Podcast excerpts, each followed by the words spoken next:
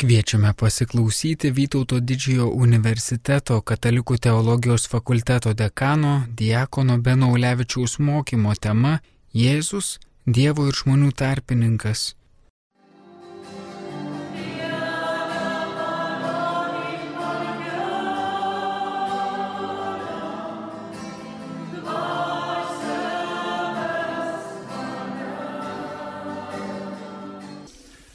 Du tūkstančius metų, na ir jei tikėsim pranašais, tai žmonės turbūt nuo žmonijos pradžios kontempliavo, meldėsi, ieškojo atsakymo į klausimą, kas yra Dievas. Ir ne tiek jiems rūpėjo tai suprast protu, kiek iš tikrųjų jei yra Dievas. Aš noriu būti bendrystėje su juo. Ta žodis komunija, common sense, commonwealth, common, bendras, aš noriu būti bendrystėje su juo. Ir tūkstančių, tūkstančiai metų tos patirties, kaip kontaktuoti su Dievu. Ir dabar reikia per vieną valandą kažkaip tai tą sudėti į kažkokius tai palyginimus ir į suprantamą kalbą. Tai pabandysim tai ir padaryti. Jūs turbūt jau girdėjote apie nuodėmę ir apie nuopolį, kai Artūras kvietė mane čia šį vakarą, sako, žinai, blogų naujienų mes jau prisiklausėm, jau nuotaika ger, ganėtinai visiems nukritusi, numušta, tai dabar reikėtų gerosios naujienos. Bet vis tiek mums reikia tai pradėti nuo tos blogos naujienos, teisingiau blogos senienos, nes jeigu Jėzus Kristus, mes sakom, kas yra Jėzus Kristus? Na, paprastas atsakymas, tai Dievo atsakas, atsiliepimas į mūsų situaciją. Dievas pamilo žmogų ir panoro, ir čia cituoju pavyzdžiui, Liumengencijų. Antro Vatikano dokumentas apie bažnyčią. Ir panoro žmogų pakelti į savo garbę. Arba panoro pasidalinti su žmogumi savo gyvenimu. Ir kasgi čia pasakyta? Ir man atrodo, kad pati pagrindinė mintis, kad mes esam tartum toks prietaisas žmogui, tau ir man duota dovana gyventi pilniau, gyventi apščiau, gyventi turtingesnį ir vis turtingesnį gyvenimą. Mes esam tartum toks elektros prietaisas su laidu. Ir Dievas sako, tu gali pasijungti į elektros šaltinį. Šventas Augustinas įdomiai sako, kiekvieno iš mūsų sieloje yra Dievo formos skylė. Nu, gali įsivaizduoti tokia skylė, tartum baterijai įdėti. Prietaisas neveikia, jeigu neįdedi baterijos. Ir mobilusis telefonas labai greit nusminga, jeigu baterija yra prasta. Ir Dievas sako, čia yra tokia dovana, tu gali pagerinti savo sielą, pagerinti savo gyvenimą, bet būk atsargus. Tu turi laidą, į ką tu pasijungi. Dievas panoro mus pakviesti į savo gyvenimą ir jis tuo tartum sako, aš sukūriau tavo sielą su laidu, kad tu pasijungtum į patį geriausią, į patį gyvybingiausią šaltinį į mane, į Dievą. Visa kita yra mažiau nei Dievas. Nes čia yra toks įdomus išbandymas. Jei žmogus pasijungia į dalykus, jeigu tu ir aš, mes pasijungiam į dalykus, kurie mus pranoksta, mes viršijam save. Mūsų gyvenimas skleidžiasi ir mes ragaujame vis daugiau pilnatvės, laimės.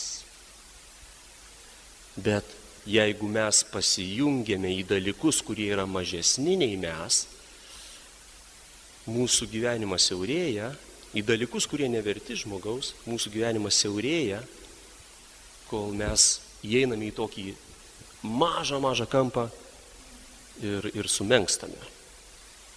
Girdėjo tokį žodį nužmogėti. Įdomu, kad žmogus niekada nestovi vietoje, jis gali nužmogėti, jis gali taip pat pakilt galingų skrydžių virš vien tokios kasdieninės tikrovės. Ar jūs maždaug ragaujat, ką aš sakau? Tai tartum automobilis, kuris tu ir aš esam lyg transporto priemonė, kurios laimingam rėdėjimui reikia pačio geriausio kūro. Ir kuo tu papildai savo sielos išteklius, kuo tu papildai savo gyvybės ribotą kiekį.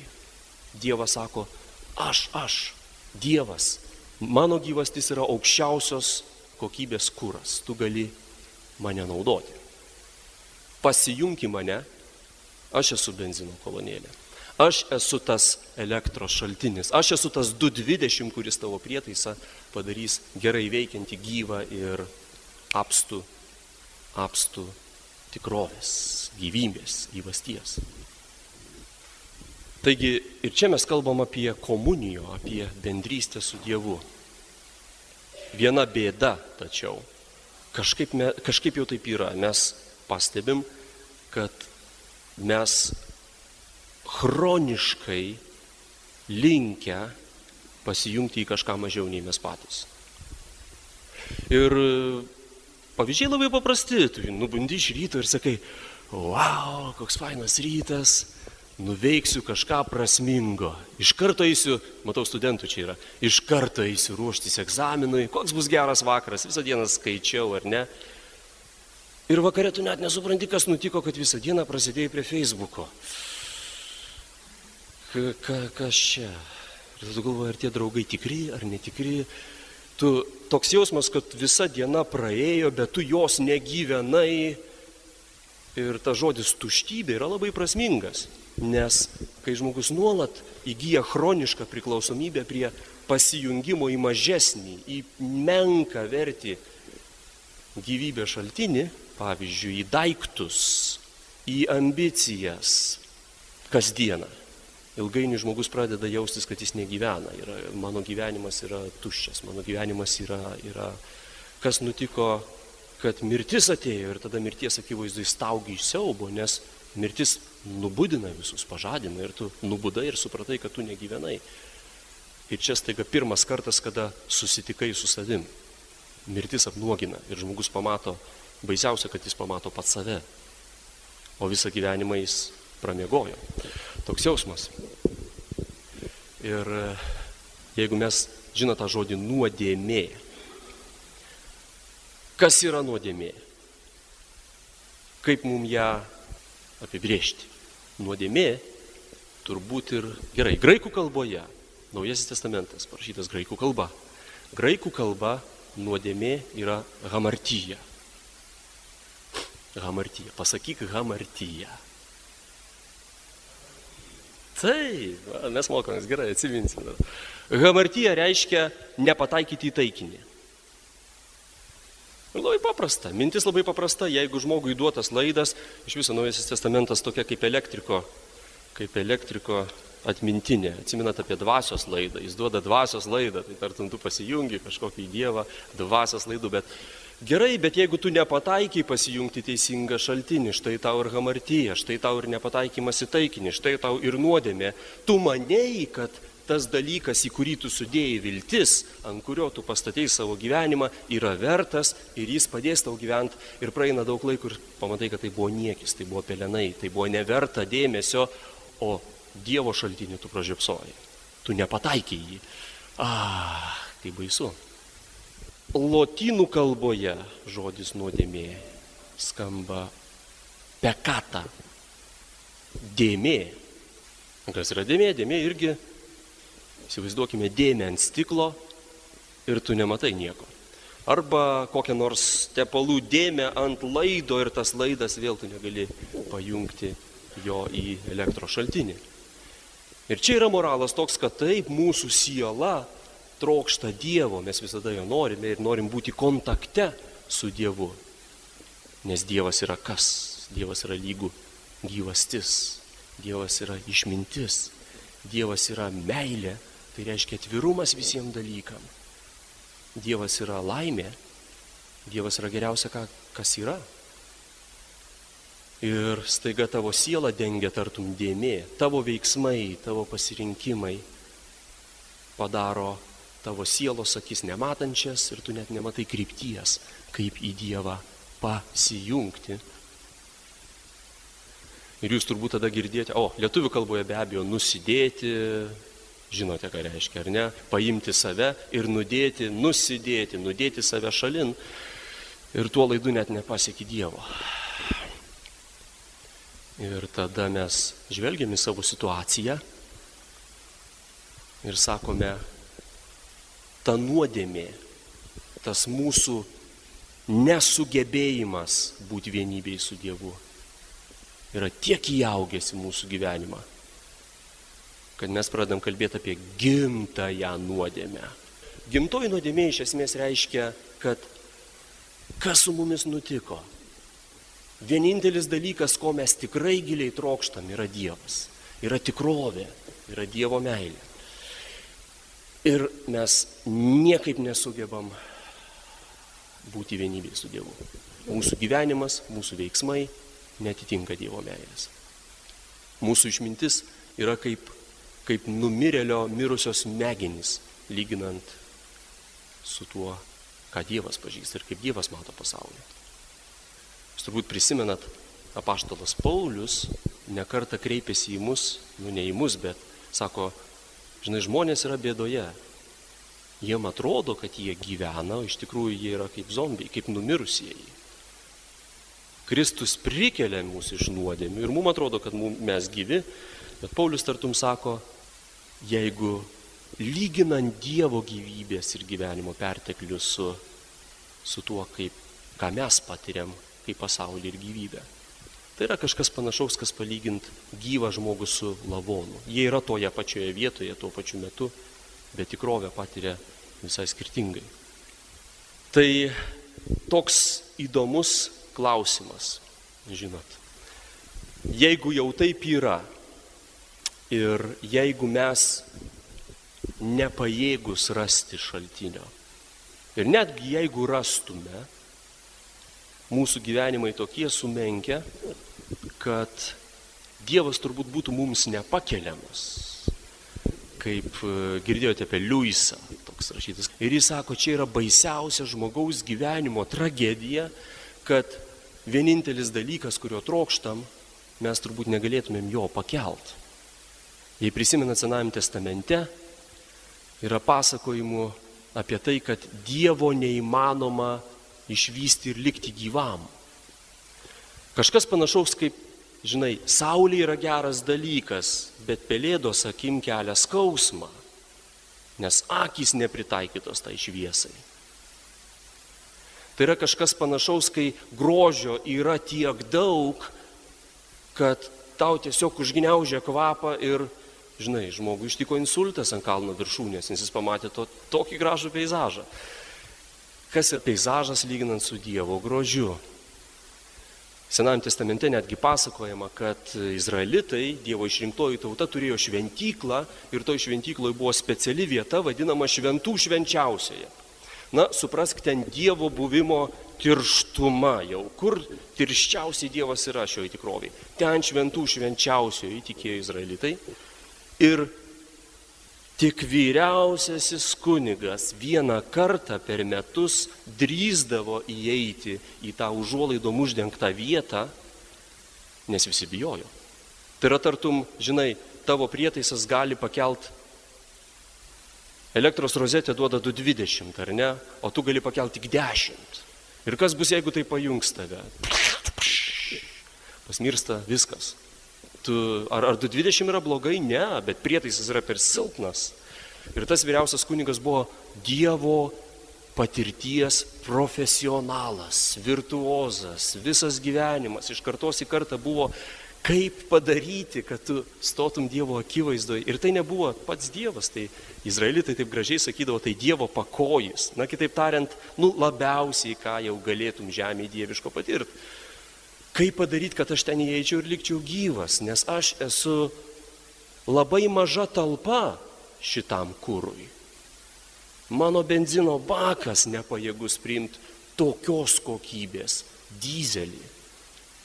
Ir sakoma, kad jie turėjo, vyriausio kunigo drabužis buvo apvedžiotas tokiais varpeliais, jis, o prie kojos pririšta virvė.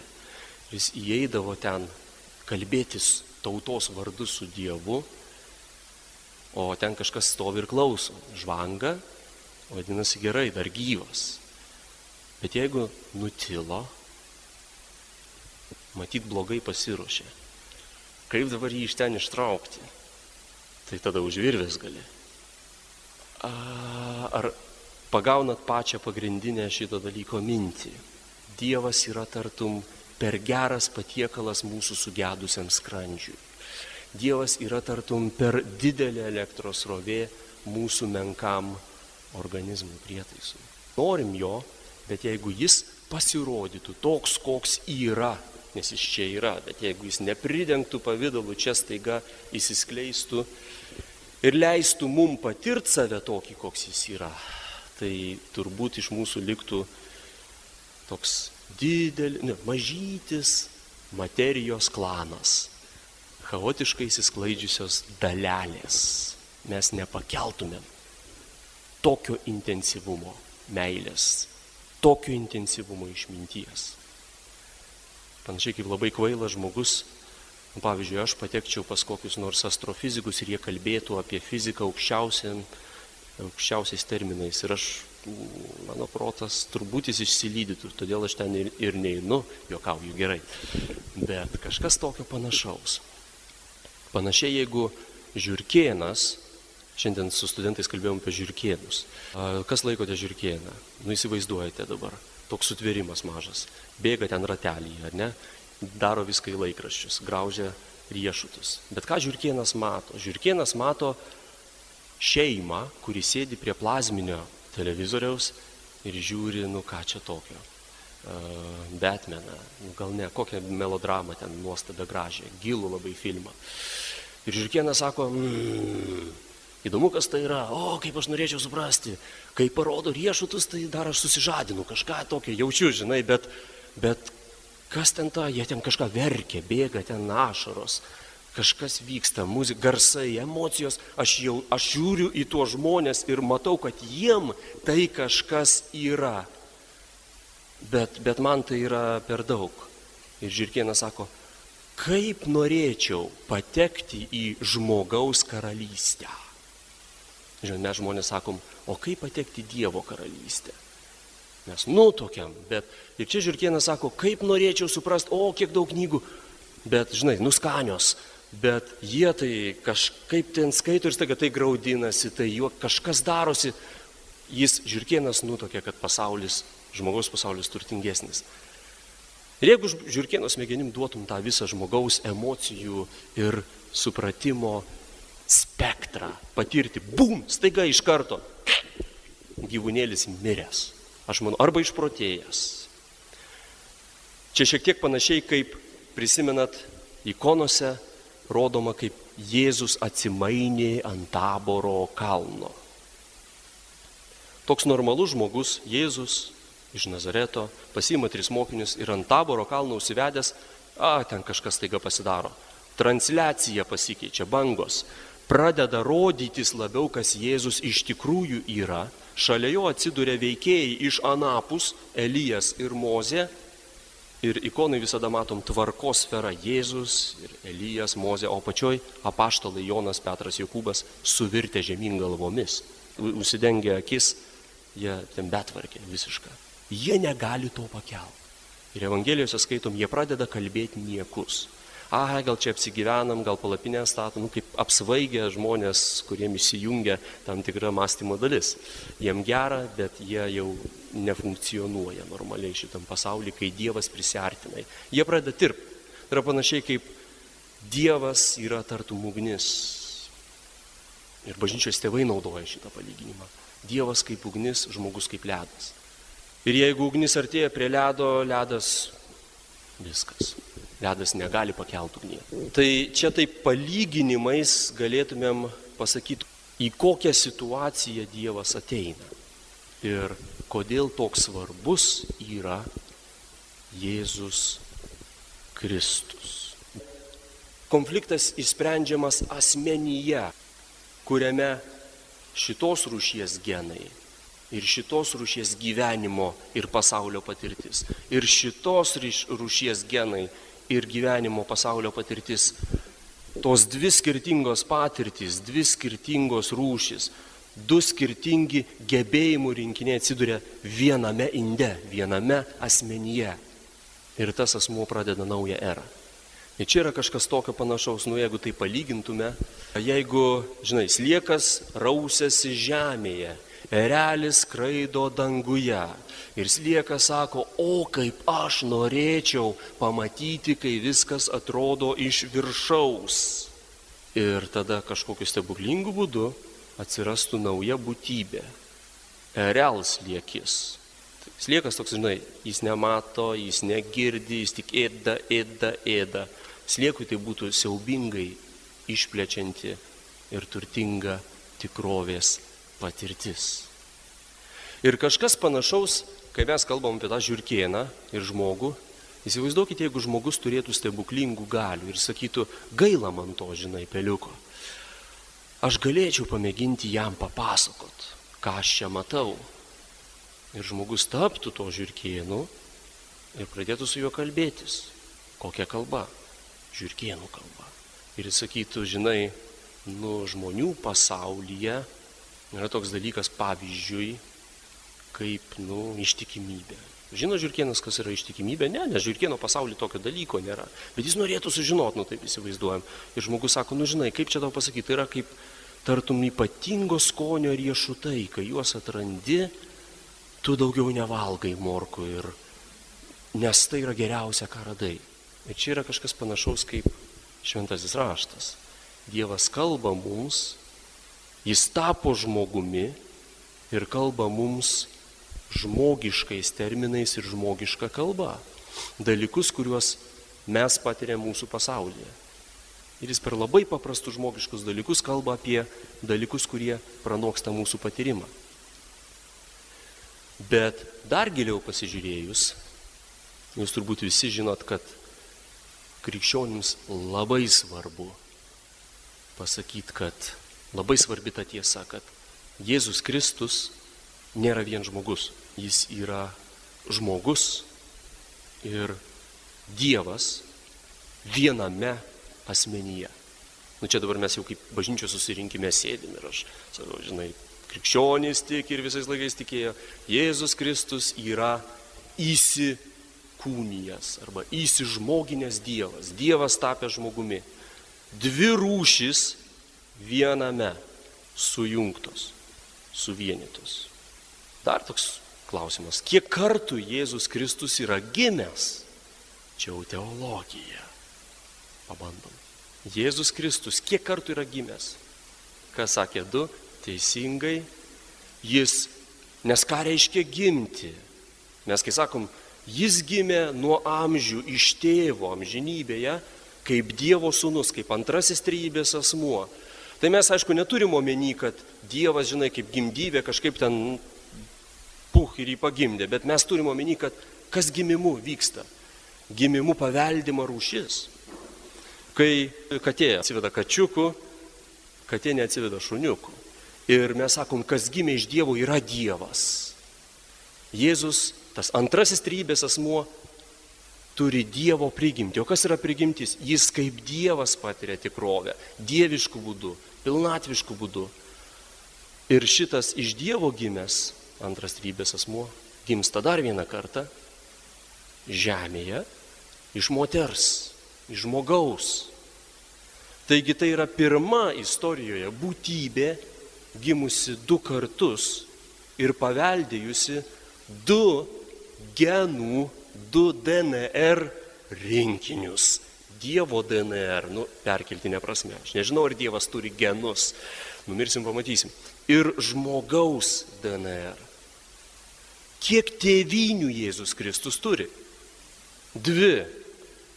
Mes esame, atsimenat Jono Evangeliją, Jėzus sako, jūs esate iš pažemių, aš esu iš aukštybės. Ir jis turi omeny dvi skirtingas tėvynės. Bet Mes esam kaip namie čia žemėje. Jis yra kaip namuose ir danguje ir žemėje. Ir jis yra vienintelis, kuris gali judėti iš dangaus į žemę ir iš žemės į dangų. Kaip žmogus, jis stovi tvirtai žmonių pasaulyje, mūsų pasaulyje, mūsų patirtyje. Bet kaip Dievas, jis tam pačiam taške, toj pačioj vietoj patiria sudėvintą pilnatvišką tikrovę. Ir jeigu tai pabandyt pavaizduoti vaizdiniais, krikščionys visada naudoja vaizdinius. Nes tai, ką aš čia sakau, irgi yra palyginimai. Gražus pavyzdys būtų Mums labai svarbu valgyti vitaminus, bet gali būti daug paaiškinimų, kaip vitaminai veikia mūsų organizmą. Kai kas iš mūsų net nekeliam tų klausimų, bet valgom vitaminus. Ir čia irgi svarbiausia būti vienybėje su Dievu, bet yra daug paaiškinimų. Ir vienas iš paaiškinimų yra štai, štai čia. Ir kartais jūs turbūt žvelgdami į kryžių matote tokią kaukolę po kryžium, ar ne? Nuo mažens bent matydavom. Anksčiau nebūdavo kryžių be, be kaukolės. Ir man mažam būdavo baisu, aš sakau, kas čia mirtis, piratai ar mirtis, nesuprasi kaukolė, kaulai sukryžiuoti. Bet paskui aš pradėjau skaityti pirmuosius krikščionis, tuos senovinius raštus, kaip įdomu. Krikščionys tikėjo, kad Golgotoje buvo palaidotas Adomas su Jėva, kad ten buvo Adomo kapas. Ir įsivaizduokit, kaip simboliška, kas nutinka. Dievas tampa žmogumi. Ir Jėzus Kristus vaikšto po žemę ir ten labai gražiai tai papasakota, sako, jis skaito antkapius ir ieško visų didžiavyrių antkapius paskaito. Nes jis ieško vieno kapo. Jis ieško savo žemiško protėvio kapo, Adomo kapo. Nes Adomas tai yra žmonės, Adomas tai yra žmonija. Jis yra visų mūsų tėvas. Pagal tuo metinį mąstymą atsistoti ant protėvių kapų ir duoti priesaiką arba kažką daryti ant protėvių kapų stovint, tai reiškia aš ne savo vardu, aš štai to, kuris ten guli vardu, tai darau aš atstovauju savo protėvį. Taigi Jėzus užlipa į Golgotą, stoja ant Adomo kapo ir netgi įdomu, jo tikslas yra sutaikyti Dievą su Adomu, sutaikyti Dievą su žmonija. Šitas tarpininkas, kadangi jis vienintelis ateina nuo Dievo ir ateina iš žmonių taip pat, jis yra Adomo palikuonis ir jis kartu Dievo palikuonis, jis stoja tarp šitų dviejų tėvų pakimba niekieno erdvėje, neutralioje dėrybų zonoje, jis kojomis neliečia žemės, rankomis neliečia dangaus, jis užpildo tarpą tarp Dievo ir žmogaus. Ir todėl mes jį vadinam tarpininku. Kas yra tarpininkas? Tarpinė detalė. Tarp varšto ir, ir, ir detalės. Dedam tarpinę. Jis užpildo tą prarąją ir kaip Dievo sūnus jis tartum viena ranka laiko savo dangišką į tėvą už rankos. Kaip žmogaus, kaip Adomo sūnus, jis tartum laiko visą žmoniją ir patį Adomą kitą ranką, kaip žmogaus sūnus, žmogų už rankos. Ir jame, Jėzuje Kristuje, jo kūne vyksta šitų dviejų susitikimas. 2.20 ir 10 cirkuliuoja jame be jokio trikdymo. Ugnis ir ledas jame viename susidraugauja ir ugnis nesunaikina ledo, ledas neužgesina ugnies, jie yra draugėje. Nes Jėzus Kristus nėra vien Dievas ir jis nėra vien žmogus, jis yra Dieva žmogus. Jis yra ugnia ledis jam abu pasauliai yra savi ir tik jame viename tie abu pasauliai susivienyje. Galėtume sakyti, kad jis yra dieviškasis, nu žinai, jeigu 220 ir 10, tai kas ten yra toksai, kai prietaisas nepakelia elektros. Tai transformatorius, adapteris. Jame Dievas tampa artimas ir pakelimas ir savas, net ir tokiam žmogui kaip aš. Prisimenat, jis sakė tokį mislingą dalyką Jono Evangelijoje. Jėzus sako, amen, amen, iš tiesų, iš tiesų aš sakau jums. Jūs matysite dangų atsivėrusi ir angelus nusileidžiančius ir kylančius virš žmogaus sūnaus. Jis kalba apie save. Ir ką jis turi omenyje? Senajame testamente yra tokia žydam, tuometiniam žydam labai gerai žinoma istorija. Patriarchas Jokūbas bėga nuo priešo, jis atsigula miegoti ir mato sapną, nu, viziją tokį, dievišką sapną, tartum kopečius arba laiptai. Ir angelai kyla ir leidžiasi žemyn. Nu ir mes taip sakome, kas čia, kas čia galėtų būti. Jokūbas nubunda, sako, o kokia širpulinga, ypatinga šita vieta. Stato ten iškart altorių ir kitaip tariant, jis patiria, kad ką tai reiškia, kad angelai leidžiasi ir kyla. Tai yra vieta, kur dangus yra atsivėręs. Nėra trūkio, nėra prarajos. Tai, kas yra dangaus leidžiasi be jokio trikdžio čia žemyn, tu gali tai paliesti. Ir tai, kas yra į žemę, kyla aukštyn ir Ir čia yra vienybė, čia yra draugystė, čia yra komunija, čia yra bendrystė. Ir nuo to laiko žmonės stato šventiklas, jie aukoja aukas, jie visai nori tų Jokūbo kopečių. Kaip paliesti Dievą, kaip paliesti dievišką likimą. Mesgi visi mirštame, mesgi visi dylame. Jeigu aš gaučiau Dievo genus, Dievo DNR, Dievo likimą, aš turėčiau dievišką likimą, pilnatvišką gyvenimą. Ir čia ateina toks Jėzus Kristus jis, ir jis sako, viskas, aš kaip asmuo, aš esu tas pratrūkęs dangus, aš esu tos Jokūbo kopečios. Manimi angelai kyla ir leidžiasi. Paliesk mane ir tu lieti gyvybės medį. Kiek tautų turėjo mitus apie gyvybės medį apie pupos stiebą, kaip augo, augo, pradūrė dangų ir tada galėjo užlipti. Visais laikais žmonės ilgėjosi, o kad aš galėčiau gyventi pilnesnį gyvenimą. Kad aš sugebėčiau mylėti, kad aš sugebėčiau suvokti, kad aš sugebėčiau būti pilnas. Mes vadinam jį gerąją naujieną, nes iki tol nieko tokio nebuvo. Krikščionis turėjo net gerai padirbėti, kad surast naujus žodžius, naujus terminus, kalbėti apie tokią būtybę. Čia nėra toks pusdievis arba pusžmogis. Jis nėra 50 procentų Dievas, 50 procentų žmogus, 100 procentų dieviška būtybė, 100 procentų žmogiška būtybė. Nieko tokio lygi šiol nepatyrėm, kažkas visai naujo. Ir įdomu yra tai, ir čia yra gerosios naujienos esmė, mes skaitome Naujajame testamente, kad jis yra tik pirmasis modelis, pirmgimis tarp brolių. Girdėjote tokį pasakymą? Nes o ką reiškia pirmgimis? Jeigu katytė atsiveda kačiuką, tai tu žinai, kad antras irgi bus kačiukas. Tos pačios rūšies būtybė. Ir čia mes matom Dievo eksperimentą, Dievo pirmąjį sprendimo modelį. Jis yra pirma tokio tipo ugneledis, dievažmogis. Tokia būtybė. Truputį patirštinsiu spalvas, nes tai, ką aš neku, visas, visa tai yra katekizme. Ten kitais žodžiais pasakyta, bet dabar, kai jūs skaitysit, jūs suprasit visai kitaip. Gerai, atsimenat Nikodemas, vienas iš fariziejų, žydų ritualo ir šventrašių žinovų. Ritualo ekspertas, religijos žinovas. Nikodemas ateina naktį pas Jėzų ir sako, ką man daryti, kad įeičiau Dievo karalystę. Žirkieno klausimas, prisimenat? Ką man daryti, kad aš patekčiau į žmogaus karalystę? Ką tu gali žirkienui pasakyti? Kaip žirkienui įeiti į žmogaus karalystę? Žinai, tu pasistenk. Tu, mes to padarysim tokių mažų knygelių, įmesim ten į tą narvelį, gal, žinai, nu, kaip kažkaip tu taip cilindrą mažą. Jokių būdų. Žirkienas tiesiog neturi žmogiškos prigimties. Mūsų genai mums leidžia tikrovę patirti taip, kaip mes ją patiriam. Mes turim ne vien penkis pojūčius, bet ir prasmės pojūtį.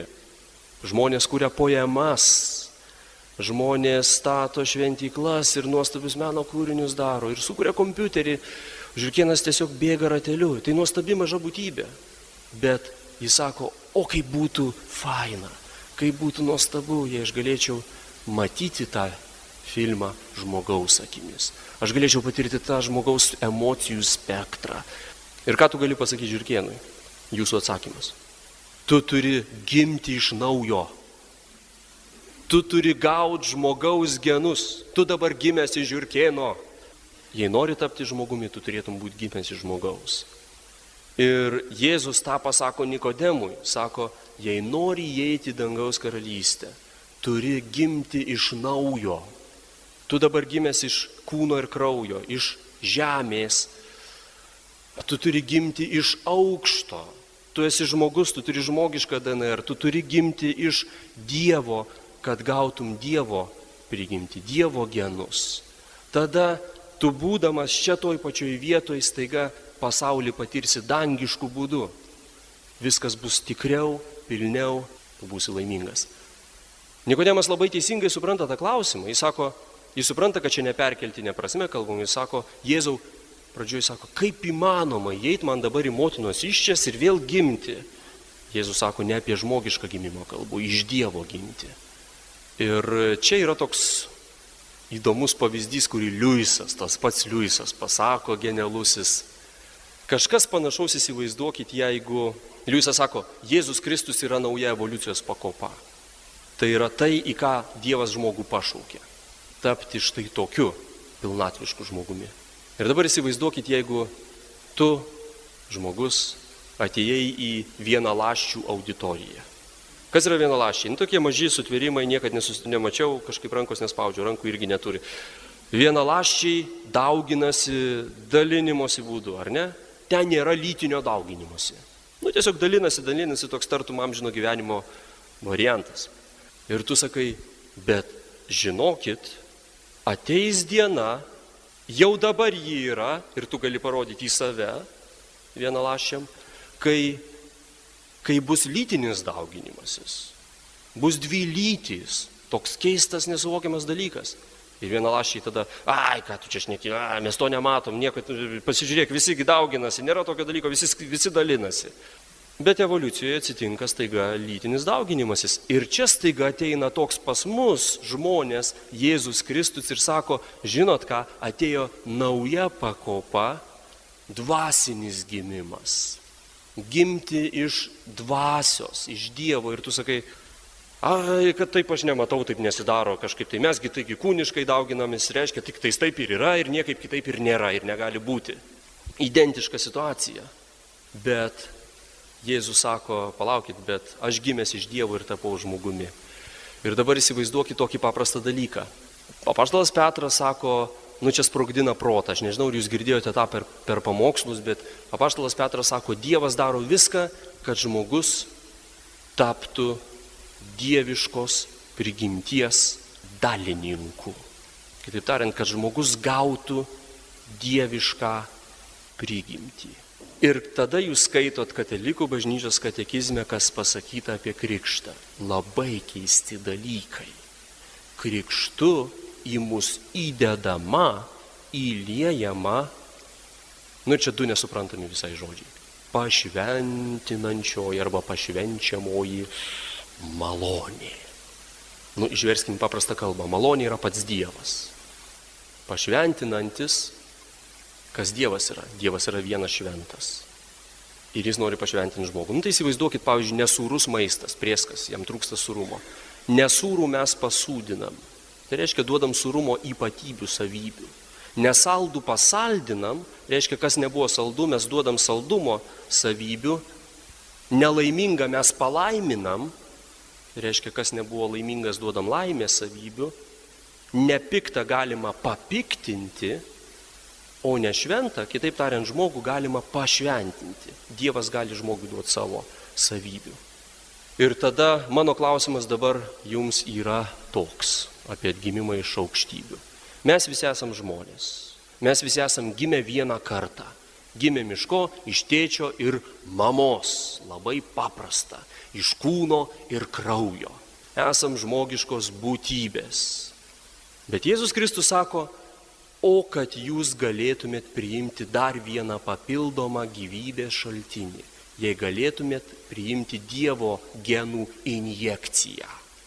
Kitaip tariant, gimti iš Dievo, paveldėti ne vien iš žmogaus žmogaus gyvenimą, bet ir iš Dievo Dievo gyvenimo būdą. Ir mes girdime, kad tai gali su mumis nutikti. Ir staiga žmogus išbrenda iš krikšto vandens, jis išpažįsta viešpatį Jėzų Kristų, yra krikštijamas, jis gimė iš aukšto, jis gimė iš naujo. Ir tai yra atvirkštinis, tai yra tartum veidrodinis Jėzaus nuotykis įvykęs. Toks iš aukšto gimęs žmogus, kiek tėvų jis turi? Toks žmogus turi savo tėtį mamą ir jis taiga dar turi dar vieną tėvą danguje.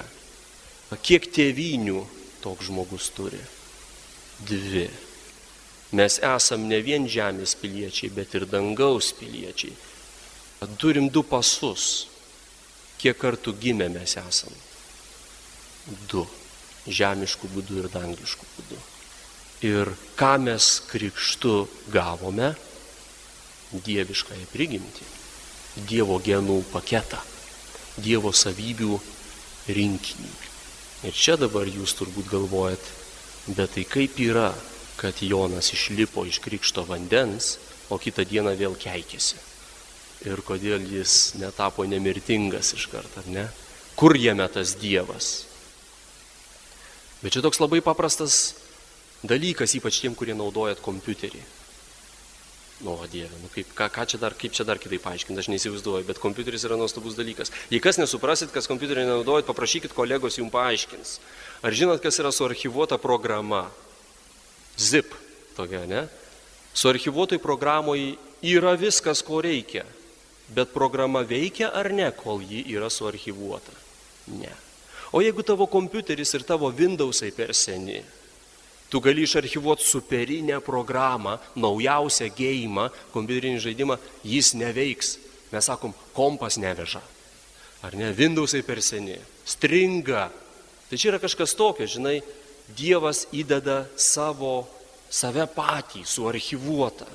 Jis sako, žinai, pradžioje į tave nusileisiu švelnių pavydalų, kad neištaškyčiau tavo, žinai, jeigu Dievas toks, koks yra, įeitų į mus iš karto, taip, kaip sakant, pilnų pavydalų mes įsitaškytumėm ant sienų, turbūt sakytumėm, Dieve, aš tave myliu, bet, a, kodėl negalėjai truputį palaipsniui man duoti priprasti prie savęs. Bet čia kaip užsigrūdinimas. Maudyti šaltoje eketėje geras dalykas ar ne? Tiem, kas susigrūdinė tiem, kas palaipsniui įprato tai daryti po truputį. Ir čia tas pats, Dievas yra mumise švelnių pavydalų supakuotas. Ir jis sako, žinai, žiūrim tavo Windowsai kokie, koks tavo kompiuteris, kiek tu pajėgus priimti mano gyvasti. Nes Dievo gyvastis yra uh, tai yra 220, tai yra per daug. Ir tada žmogus sako, gerai, aš darau vietos, aš darau vietos tau Dieve. Ir motina Teresė labai greitai padarė tos vietos. Nu gal nelabai greitai, bet tikrai daugiau negu, negu Benas Ulevičius. Ir tai yra Beno Ulevičiaus didelė problema ir bėda. Aš jau esu Dievo sūnus, nes manyje yra Dievo prigimtis, bet aš galėčiau būti geresnis sūnus. Motina Teresė atsinaujino savo programinį įrangą, kitaip tariant, jį leido, jį savo gyvenimą taip uoliai taikė prie to, kas joje jau apsigyveno, prie Dievo meilės, prie Dievo veiksmo kad joje staiga pradedi matyti, joje pro ją, pro tą žmogų pradeda švitėti jau Kristus. Nes krikščionis reiškia toks kaip Kristus. Mes sakom krikščionis nuo žodžio krikštas, bet tai yra netikslus vertimas. Graikų kalboje christianos, anglų kalba christian, rusiškai kristianin, Kristos, Kristus kristietis, kiekvienas iš mūsų, toks kaip Kristus. Mumise yra Kristus. Ar matosi jis?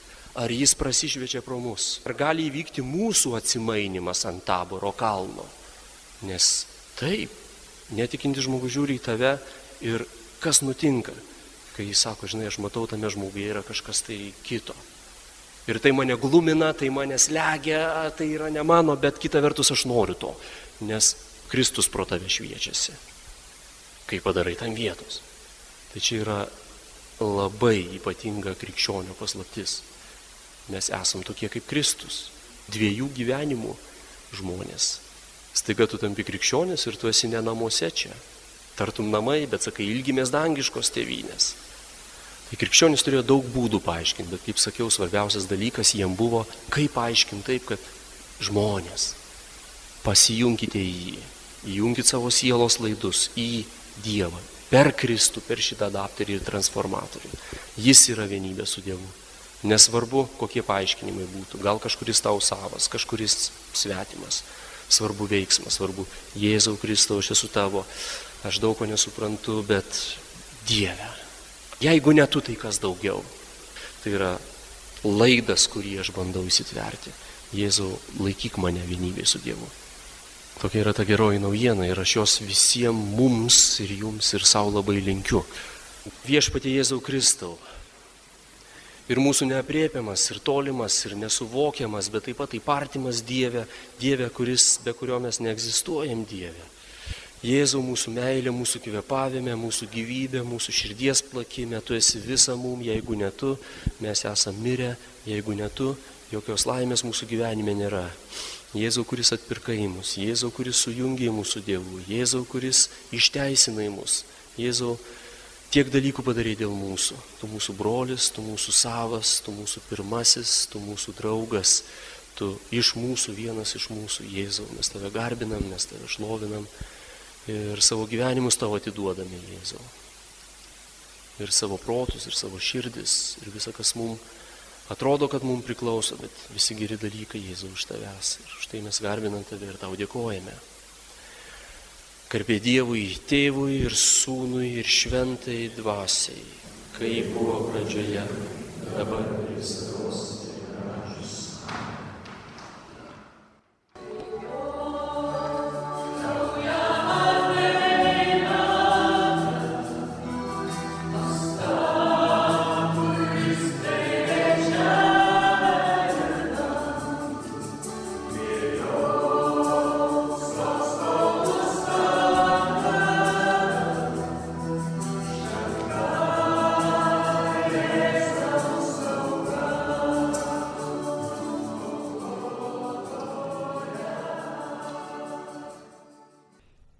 Kalbėjo Vytauto didžiojo universiteto katalikų teologijos fakulteto dekanas Diakonas Benas Ulevičius.